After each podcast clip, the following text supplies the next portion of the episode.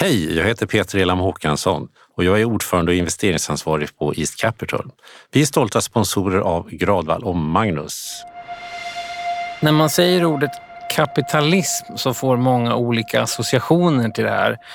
En del får associationen att det är spekulativt, det går ut på att vinna pengar och att andra därmed ska förlora pengar. Men det finns ju också en annan betydelse som handlar om att skapa och bygga. Vad, vad är din definition och East Capitals definition av kapitalism? Vi tror ju väldigt mycket på den andra delen, att bygga. Vi tror ju att det är eh, rätt att vara med men om man ser det så här, många pratar att de är investerare. Vi ser oss snarare som ägare. Jag tycker det, om man tänker och suger lite på den definitionen, eller skillnaden, så är det en stor, det blir en helt annan syn på hur man äger sina aktier. Är man ägare så vill man vara med och förändra och bygga till något bättre. Och låter mer långsiktigt. Det är mycket långsiktigare också. Men det är ett mindset också som du gör i dialogen med bolagen och hur man vill tänka, hur man vill påverka. Vi jobbar mycket med att tillsätta styrelsemedlemmar, då oberoende styrelsemedlemmar, se till att det blir rätt på det hela. Vi har mycket dialog med företagsledningarna. Och vi har också jobbat väldigt mycket med eh, allt från regeringar till centralbanker till andra för att försöka påverka att få bra eh, kapitalmarknaden på plats, bra pensionssystem på plats. Allt det där gör ju att vi kan agera långsiktigt i de här marknaderna. Så att eh, vi har fått vara med om otroligt spännande förändringar egentligen och det är det vi gillar att vara med på när vi ser förändringar som sker i länder, i företag och entreprenörer och allt annat.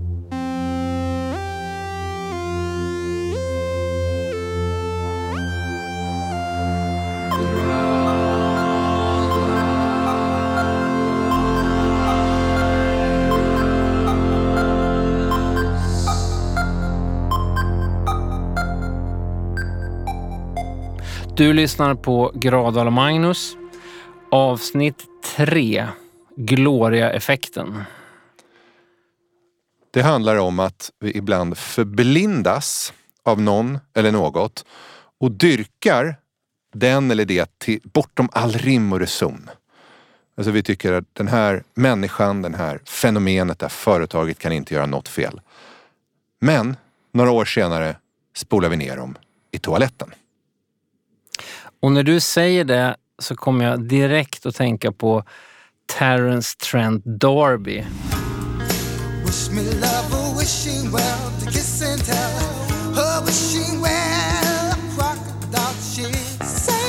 Han hade egentligen tre superhits 87. Wishing Well, uh, If You Let Me Stay, Sign Your Name, som var enormt stora. Och hans album, debutalbum då, hette osannolikt nog Introducing the Hardline According to Terence Trent D'Arby. En titel som ingen kunde säga ens då. Men det var nog det mest hypade debutalbumet som i alla fall jag har upplevt. Och han själv var så perfekt. Han var ung, snygg, svart, lite mystisk. Han var, han var liksom som en att om man hade kommit en Prince till så var det Terence Trent D'Arby. Och han kunde inte göra någonting fel. Han sa själv, han hade också verkligen hybris. Han var före detta boxare och pratade om sig själv i här nästan Muhammad Ali-termer och sa att det här är det bästa albumet sen Sgt. Pepper.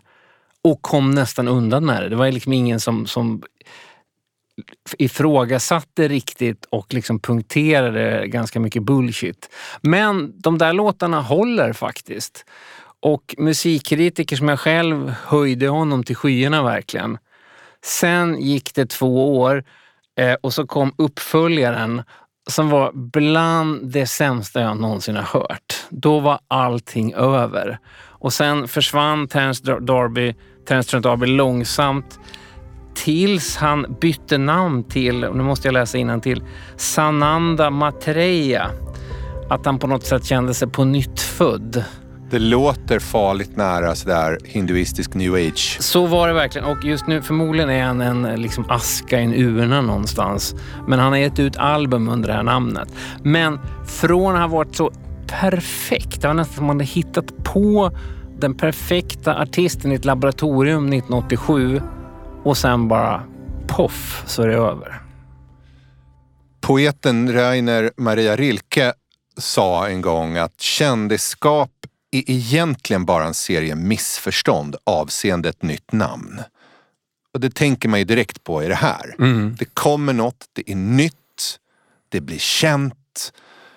Men allt kanske egentligen bygger på en serie missförstånd rörande det här nya. Ja, och en serie missförstånd som då egentligen förstärks av eh, oss journalister och media skulle jag vilja säga. Jag tycker jag har varit med om det här så många gånger att det är så tacksamt att ta nya artister för att de kan ju bli projiceringsytor.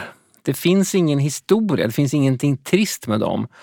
Så att allt som man själv vill ska hända som journalist eller mediebevakare kan man projicera på den här eh, artisten som har kommit. Om det nu är Terence Trent D'Arby eller någon annan. Och det är väldigt tacksamt att skriva om det nya för att det visar att man är en person som hänger med, man är lite spännande, man yrar inte om samma gamla U2-album som ens kollegor gör utan det finns någonting nytt här. Och det är mycket tacksammare att skriva om, det är en bättre story att skriva om en debutant än att skriva att Bo Kaspers Orkesters sjätte album är bättre än det fjärde albumet. Det blir väl tråkigt. Så att man tenderar hela tiden att överskatta det nya och sätta en gloria på de nya artisterna och man kanske då underskattar så att säga trotjänarna. Men det, ordet hype är ofta använt, men jag tycker det är mer komplicerat än så. Det, jag tycker den här glorieeffekten beskriver det bättre.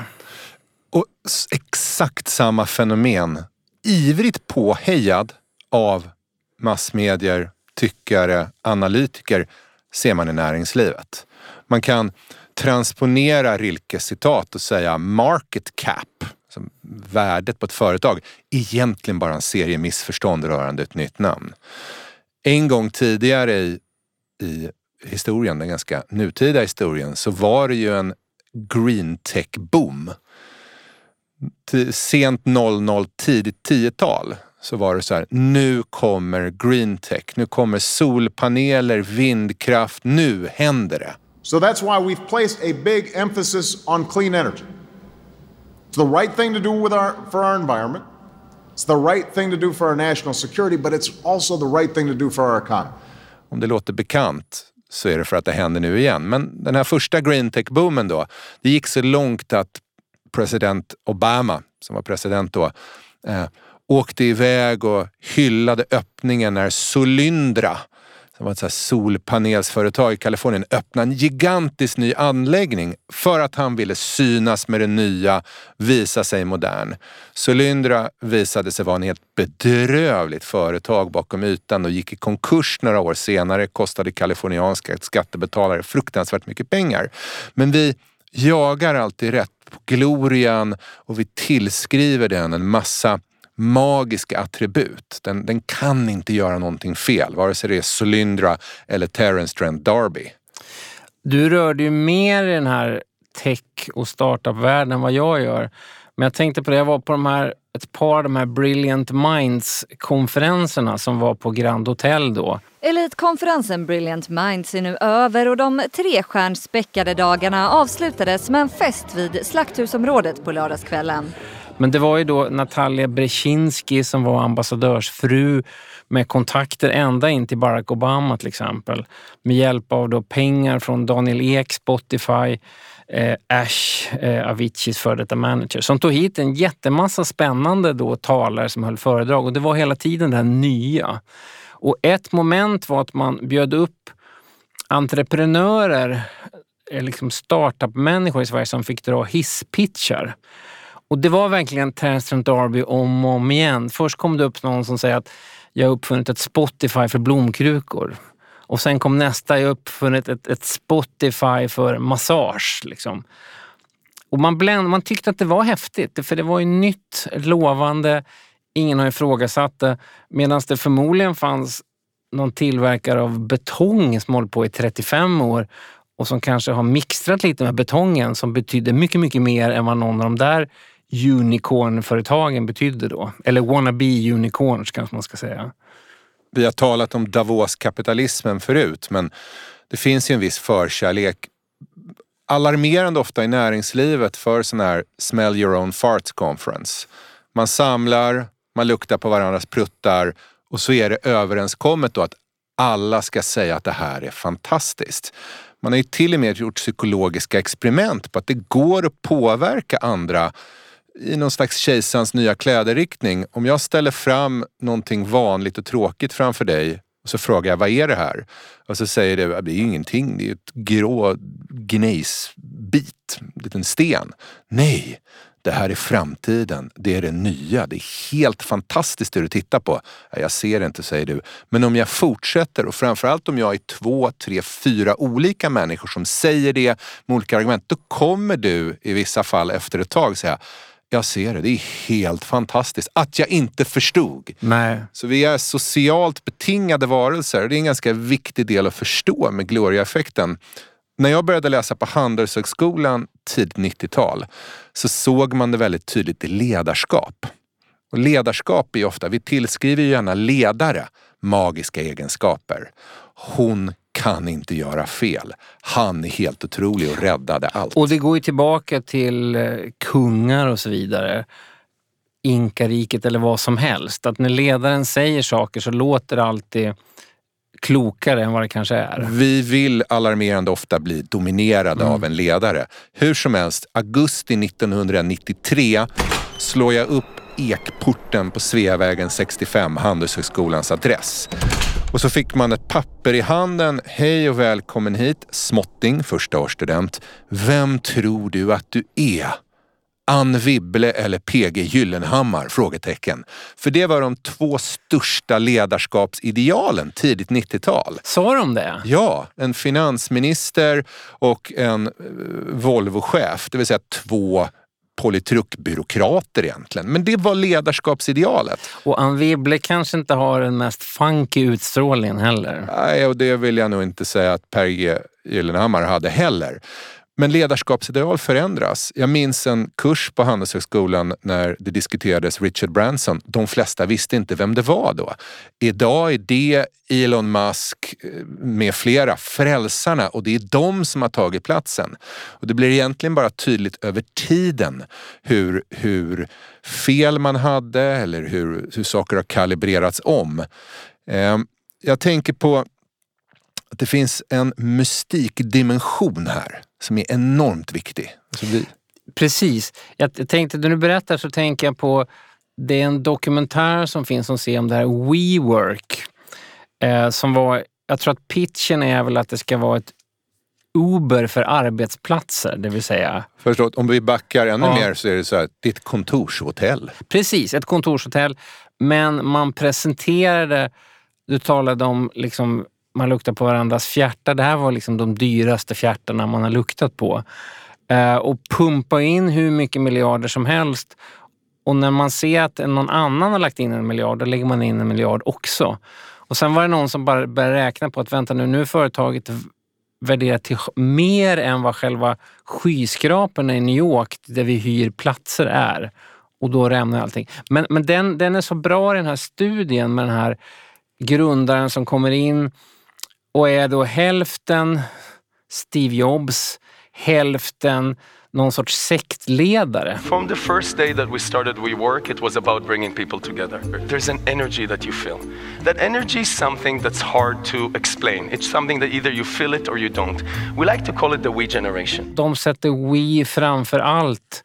Och själv tycker man liksom att det börjar låta ganska löjligt nu om man äter en Wii sandwich eller någonting. Men, men det, det blir som en, som en sekt. Och mystik där är ju så effektivt. Dels för att vi lever i en värld som vi tror är upplyst. Det finns inte så många mysterier kvar att utforska. Och då blir ju projiceringsytan väldigt viktig. Dean Kamen, en uppfinnare, blev otroligt hypad för drygt 20 år sedan. För han hade något som hette Projekt Ginger. First, we crawled on all fours. No, first we climbed out of the ocean.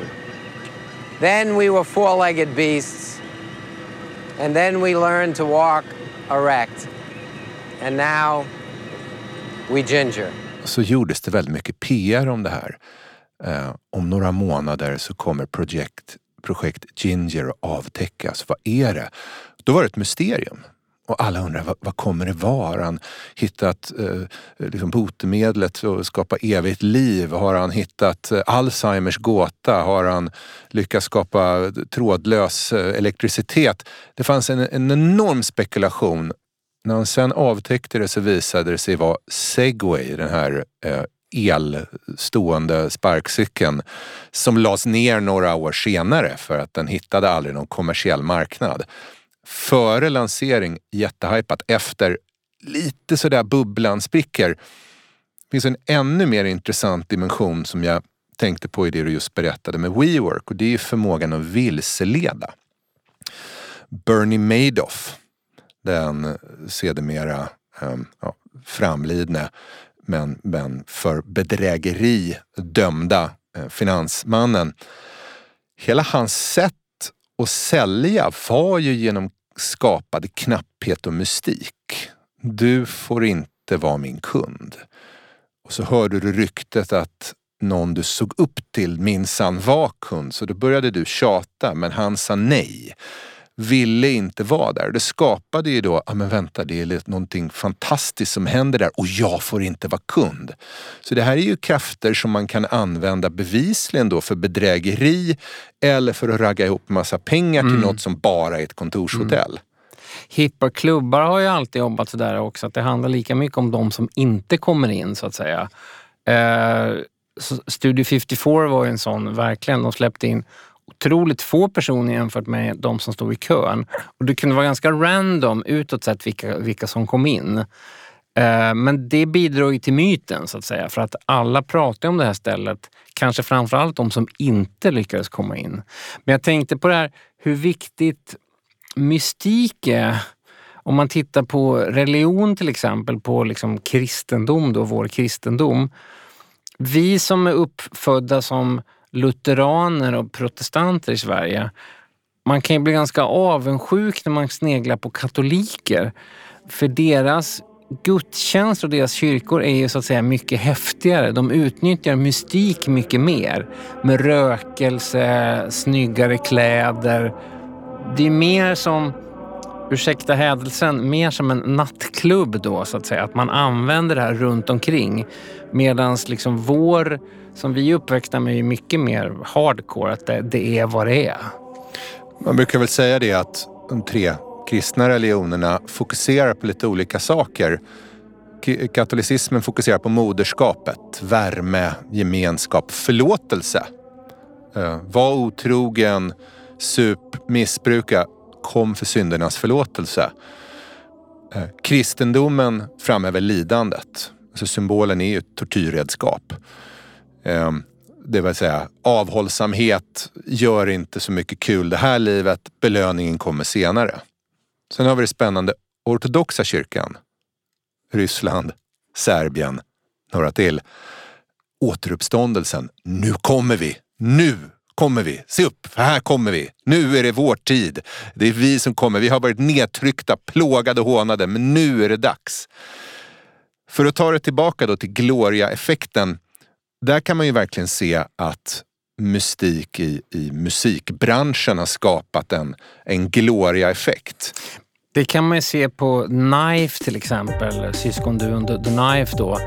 Det blir inte lika kul att skriva och beskriva The Knife om man säger att Karin Dreyer jobbade som webbdesigner och sen gjorde hon musik i sidan om. Vilket är då historien.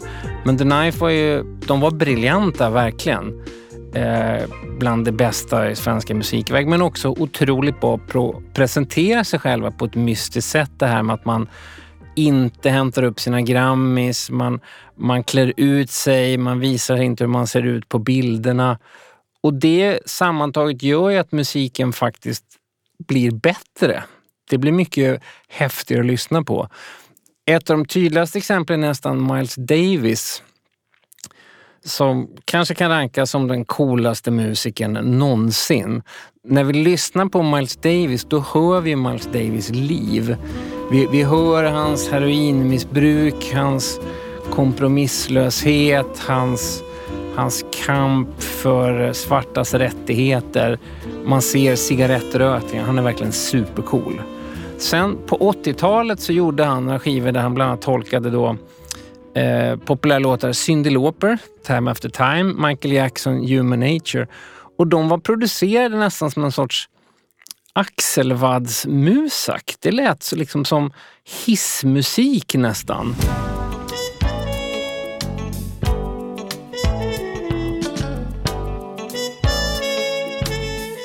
Väldigt eh, så långt ifrån bebop man kan komma egentligen. Och det var någon som sa att anledningen till att vi ändå tycker att det här är ganska bra beror på att det är Miles Davis. Vi ser Miles Davis när vi lyssnar. Men om vi hade hört exakt samma skiva och fått reda på att det var citat en fet fläktreparatör från Oslo som hade gjort exakt samma spelning, då hade vi tyckt det var skitdåligt.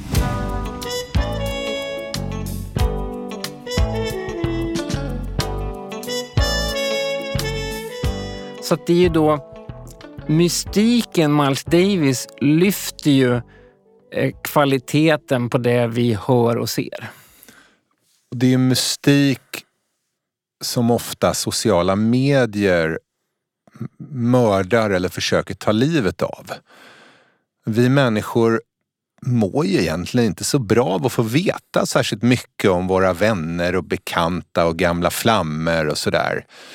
Alltså, någonstans är det ju mystiken, minnet av dem och känslorna inför dem kan bli som starka. Det vet alla som har varit nykära. Den här människan är helt fantastisk. Några år senare, när man liksom har fått skura ur toaletten efter vederbörande eller liknande. Det är inte lika sexigt och spännande. Nej, för det är ju också en slags projiceringsyta. Att den, den nya personen som har klivit in i ens liv kan man ju projicera allting på ska göra mig hel, är kärleken personifierad. Jag har ju aldrig riktigt kunnat lyssna på The National igen efter jag fick reda på att sångaren en gång var projektledare på det nedlagda internetbolaget Icon Media Lab. För det gör att jag hör en fantastisk röst, det finns en stämningsfullt och musik och så tänker jag bara att han står på en workshop och visar powerpoint-bilder.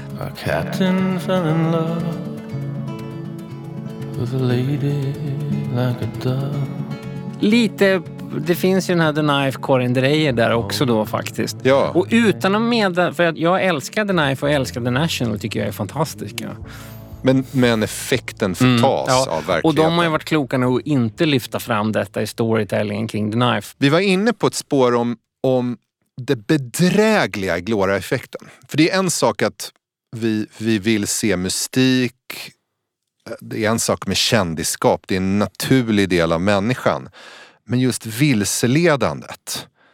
Eh, och då tänker jag, det finns ju makabra exempel, jag nämnde Bernie Madoff. Det finns ett ännu värre exempel där vi verkligen bländas med någon och blir bländade och det är ju Kapten Klänning, Göran Lindberg. Rektor för Polishögskolan, länspolismästare i Uppsala men en sexuell brottsling. Både övergrepp och grooming och liknande. Men det här var ju en person som var känd för att åka runt och föreläsa om feminism. Alla tyckte han var fantastisk och viktig. Jag, vet, jag minns att han var en av Talarforums mest bokade talare en, en, en bit. Så det är väldigt tydligt att den, den glorian kan ju väldigt lätt halka ner och börja strypa oss när vi, när vi tittar på den och tittar på andra som har den. I, i eh, organisationer så vet man ju det här att, jag var inne på det med ledarskap, men det finns vinnare som plötsligt visar dåliga sidor. När jag pluggade så var konsultfirman McKinsey och Goldman Sachs kanske de mest hype peppade bolagen att jobba för. Så här, den var högst på alla så här, vad vill studenterna ha jobb? Och det var mytomspunnet och lite hemligt och man fick hög lön och förväntades jobba 80 timmars veckor. Idag är McKinsey mest kända för att de var med och råd, gav råd till Purdue Pharma som gjorde Oxycontin. Det här eh, eh opiatläkemedlet. Som har dödat fler amerikaner än alla krig som USA varit inblandade i sedan andra världskriget. Och Tom Petty. Och Tom Petty och Prince.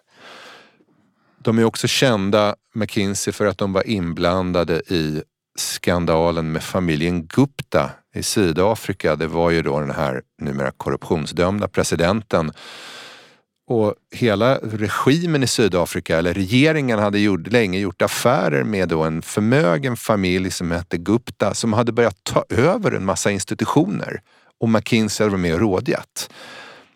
Goldman Sachs, numera väldigt ökända för att de var med i Kuala Lumpurs största korruptionshärva. Ett MDB, det var pengar som förskingrades, slussades över världen och bland annat gick till att finansiera Martin Scorsese-filmen The Wolf of Wall Street. Så det är malaysiska korruptionspengar. Men det där är också intressant. Jag tänkte på film, apropå då Gloria-effekten, att varje år när det är Oscarsgala, som jag följer ganska slaviskt för att, för att jag har en väldigt god vän som heter Kristina som varje år arrangerar en Oscarsnatt där man ser på galan och bettar på filmerna. Men tittar man tillbaka i Oscar-historien så märker man att det som verkligen kändes som den bästa filmen just då kanske visade sig vara en Terence Trent D'Arby helt enkelt. Om man kollar, jag tänkte på den engelska patienten till exempel. Är den med nu bland filmer som unga tittar på som filmklassiker? Nej. Och det finns, det finns ganska många sådana filmer, mer fler än man erkänner tror jag. Du, och du och jag hade en ganska infekterad diskussion om Parasit. Sydkoreanska. Sydkoreanska. När jag menade på att den var ett mästerverk och du var väldigt tvivlande inför det.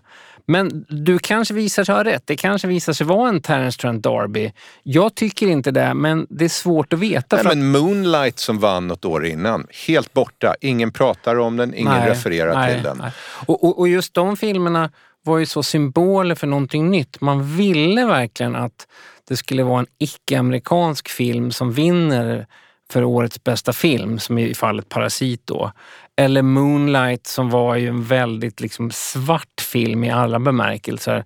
Den här vita dominansen så känner man att det är den här vi sätter glorian på. Men film, det är en väldigt um märklig konstform och jag har tänkt på det att väldigt ofta är det ju en förbrukningsvara förklädd till konst. Det här var kanske lite otydligt när det kommer till biograffilmer och Oscarsvinnare men har blivit väldigt uppenbart med streamingtjänster. Eh, för att citera Barry Diller, tidigare Hollywood-mogul, nu ägare till ett bolag som driver en massa internetföretag, bland annat Expedia, en resebyrå. Han sa det här väldigt tydligt på en mediakonferens. Alltså det streamingtjänsterna producerar, det är inte filmer. Det är en, någon form av algoritmisk slutsats utifrån innehåll, ingredienser, tidslängd och ämnesval. Och jag har kommit på mig själv så många gånger senaste åren med streamingtjänsterna. Att man går in i något, det verkar genuint spännande. Man blir lite medryckt, lämnar inga avtryck. Så det finns en, en nuistisk, ja. alltså någonting som bara finns för ögonblicket. Och det har nog delvis alltid funnits, det finns också inom pop till exempel. Det finns ju alltid någon form av liksom transfett då i det så att säga. Att man, man bara gör det spekulativt. Vi får ju inte glömma Janne när du säger musikaliskt transfett. Att du är ju människan som 1998 sa att det viktigaste gruppen senaste året är brittiska bandet Corner Shop.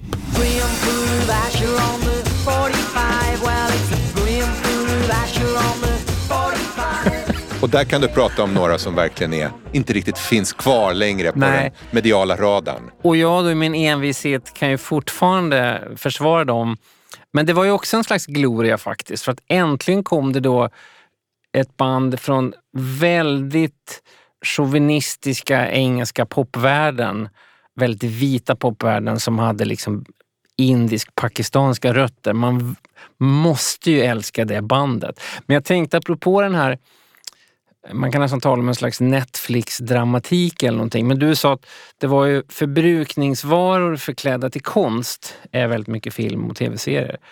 Jag tror att det är därför som jag har börjat älska förbrukningsvaror som inte utger sig för att vara någonting annat än förbrukningsvaror. Amerikanska Rolling Stone, den tidningen, hade en eh, lista på de 25 bästa actionfilmerna genom tiderna. Och de hade med en del klassiker som De sju samurajerna, Enter the Dragon, Aliens som är actionfilmen till skillnad mot Aliens med skräckfilmen. Men tvåa på den här listan var John Wick. Ken Reeves-filmen John Wick. Så inser jag att jag har inte sett den här. Så bara kollar jag. Den, den fick ett. Den fick så ett i Svenska Dagbladet, ett i Dagens Nyheter och så vidare. Liksom. Så tittar jag på den och den är helt briljant just som action. Den är gjord av två stuntmän som jobbade med Keanu Reeves på Matrix. Nu har de fått göra sin första film och det är ju en timme och 45 minuter briljant slagsmål. Det är hela filmen.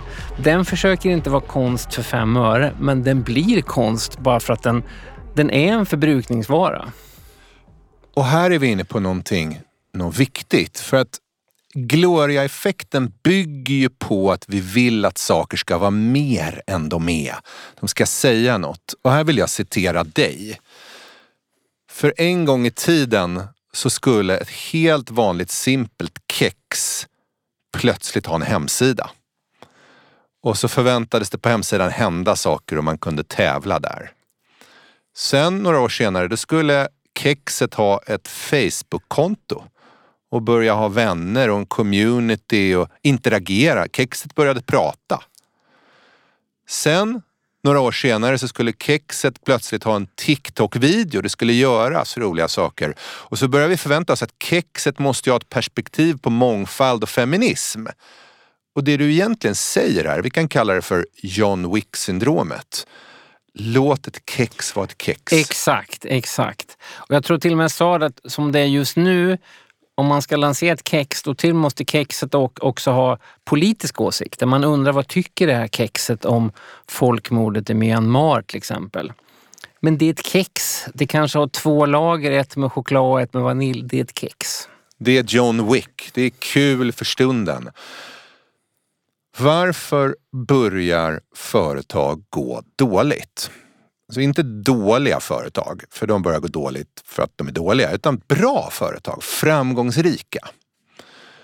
Ja, den frågeställningen var en forskare som heter Don Sull intresserad av och så tittade han på du vet, Firestone, ett däckföretag och Sony, det en gång jättehypade japanska teknikföretaget. vi, vi kan ju tänka i Sverige, Kappahl. Varför började de gå dåligt? Mega skivakademin och sådär. Och det vanligaste svaret är att man tänker att de missar en trend. Kexet tyckte inte så mycket om politik, därför blev kexet irrelevant. Men det Don Sall fann, det var att nej, nej, nej, det var inte alls skälet. Skälet visade sig vara att de såg exakt vad som höll på att hända men valde aktivt att inte göra någonting alls. Då myntade han ett fantastiskt ord eller, eller två ord. Aktiv tröghet. Så man är inte trög för att man är dum eller inte har förstått eller är för stor eller långsam. Man, är, man har valt att vara trög. Och då pratar han om det här att i de företagen så har oftast värderingarna förhårdnat och blivit till, till någonting man tror slaviskt på. Strategi har blivit skygglappar. Det bästa exemplet han tog upp var inredningsföretaget Laura Ashley. Laura Ashley hade en gloria på 80-talet. Mm. Sa man det så man kunde ju till och med känna på de här kashmirsjalarna bara man sa ordet. Ja, det skulle vara blommiga grejer på människor och på mattor och gardiner och alla människor hade oftast ett rum eller en del av ett rum inrett i Laura Ashley. Och så såg de något helt annat vid horisonten. Minimalismen. Och Ilse Crawford inredningsarkitekten. Hon som skapade L Interiors en gång och sägs att hon då, det var hon som skapade minimalismen. Hon har sen brutit med det. Men hon sa minimalismen var liksom inredningsströmningen där allt skulle lukta skilsmässa och desinficering. Och Laura Ashley ser där och säger, det där är inte vi. Vi står inte för det här. Vi ska göra något helt annat. och några år senare var de i princip bankrupt. Ett ännu tydligare exempel är ju Intel. Du och jag minns reklamer om Intel Inside. Nej, jag minns inte riktigt reklamen om Intel. Mikrochip-processorer. Mm, mm. Under väldigt många år när man köpte en dator skulle det alltid finnas lite klistermärke Intel Inside. Det är ett just tecken det, just på att det, det är men bra. Det, det, kommer jag ihåg. Ja. Ja, och alla reklambyråer mm. pratar om det som det bästa business to business-caset. Man ska göra Intel Inside. Och de hade nästan 100 procent marknadsandel av semiconductors, halvledare, år 2010. Tio år senare, år 2020, har de i princip ingen marknadsandel alls. Marknaden domineras idag av Taiwans företag TSMC. Men beror det här på då att, för att man ska heller inte ändra sig helt och hållet och hoppa på en trend som man inte har en förankring i. Men kan det vara någonting med just det att man börjar tro på sin egen storhet? Du har en storhet? övertred, du köper ja. din egen PR. Man det... tror på sin egen gloria. Ja, och Intel är väldigt spännande. Tidigare i den här podden har vi pratat om Moores lag. Moores lag är en syn på att datorkraft kommer dubbleras i kraft var 18 månad och halveras i pris. Den är döpt efter Gordon Moore som var en av grundarna till Intel. Det var alltså de som uppfann hela digitaliseringen och synen på att datorkraft ska bli bättre och bättre och bättre. Och det var det de gjorde. Men det som har hänt med datorkraft det är ju att ja, den blir bättre men vi behöver inte särskilt mycket mer för de många människorna. För de flesta människorna tittar på TikTok-videos och spelar något casual game på telefonen.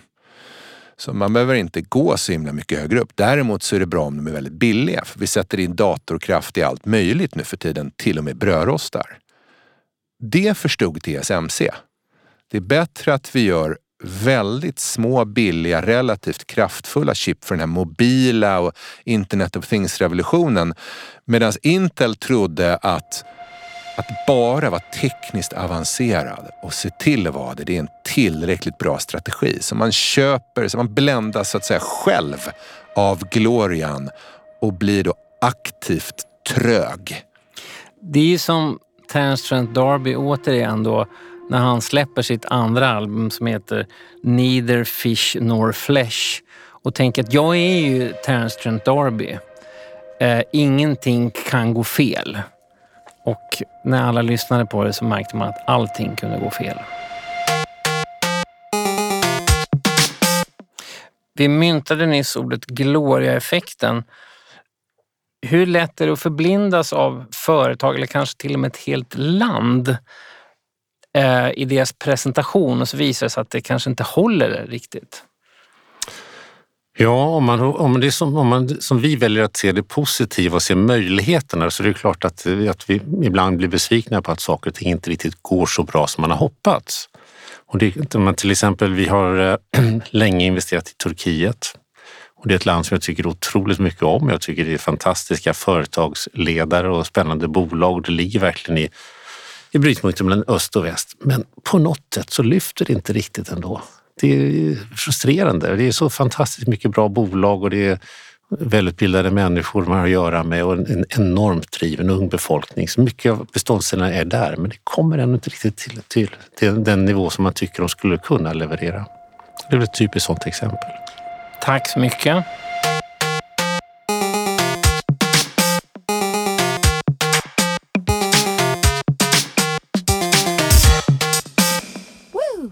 Du har lyssnat på Gradvall och Magnus, inspelningsstudio A1, ljudtekniker Jonas Sjöberg, formgivare Nina Ulmaja, sponsor East Capital. Vår bok Kreativ friktion finns ute nu på Volante förlag.